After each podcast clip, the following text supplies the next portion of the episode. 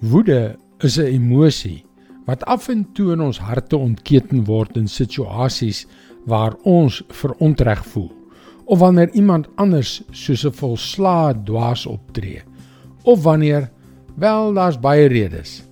Dit is nogal 'n natuurlike reaksie.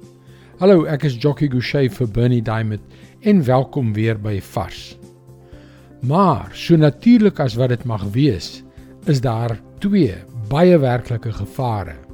Die eerste is dat ons in die hitte van die stryd dinge kan sê of doen wat so skadelik is dat dit nooit uitgewis kan word nie.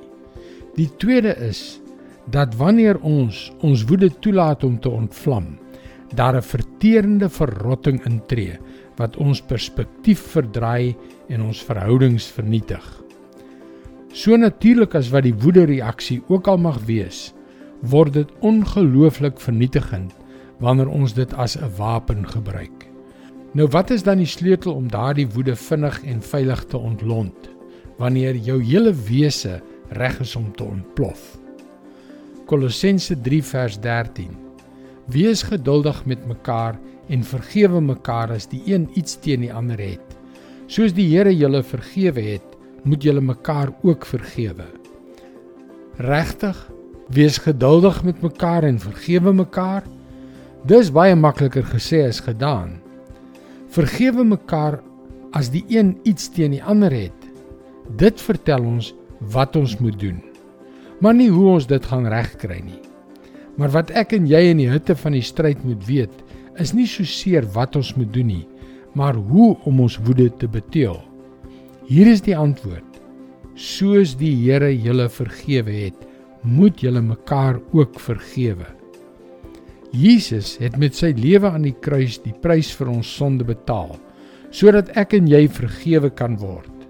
Die teenmiddel is dus om in daardie plofbare situasie na die kruis te gaan en te besef dat Jesus se vergifnis die oplossing is.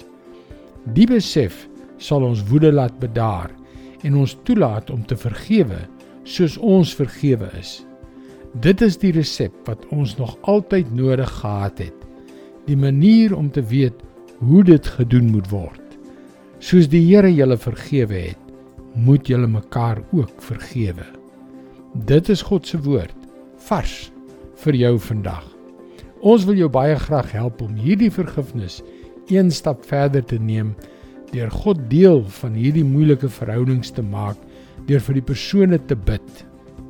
Indien jy na vorige vars boodskappe wil luister, hulle is ook almal op Potgooi beskikbaar. Soek vir Vars vandag op Google of op 'n Potgooi platform soos Spotify. Mooi loop en luister môre na jou gunstelingstasie vir nog 'n vars boodskap.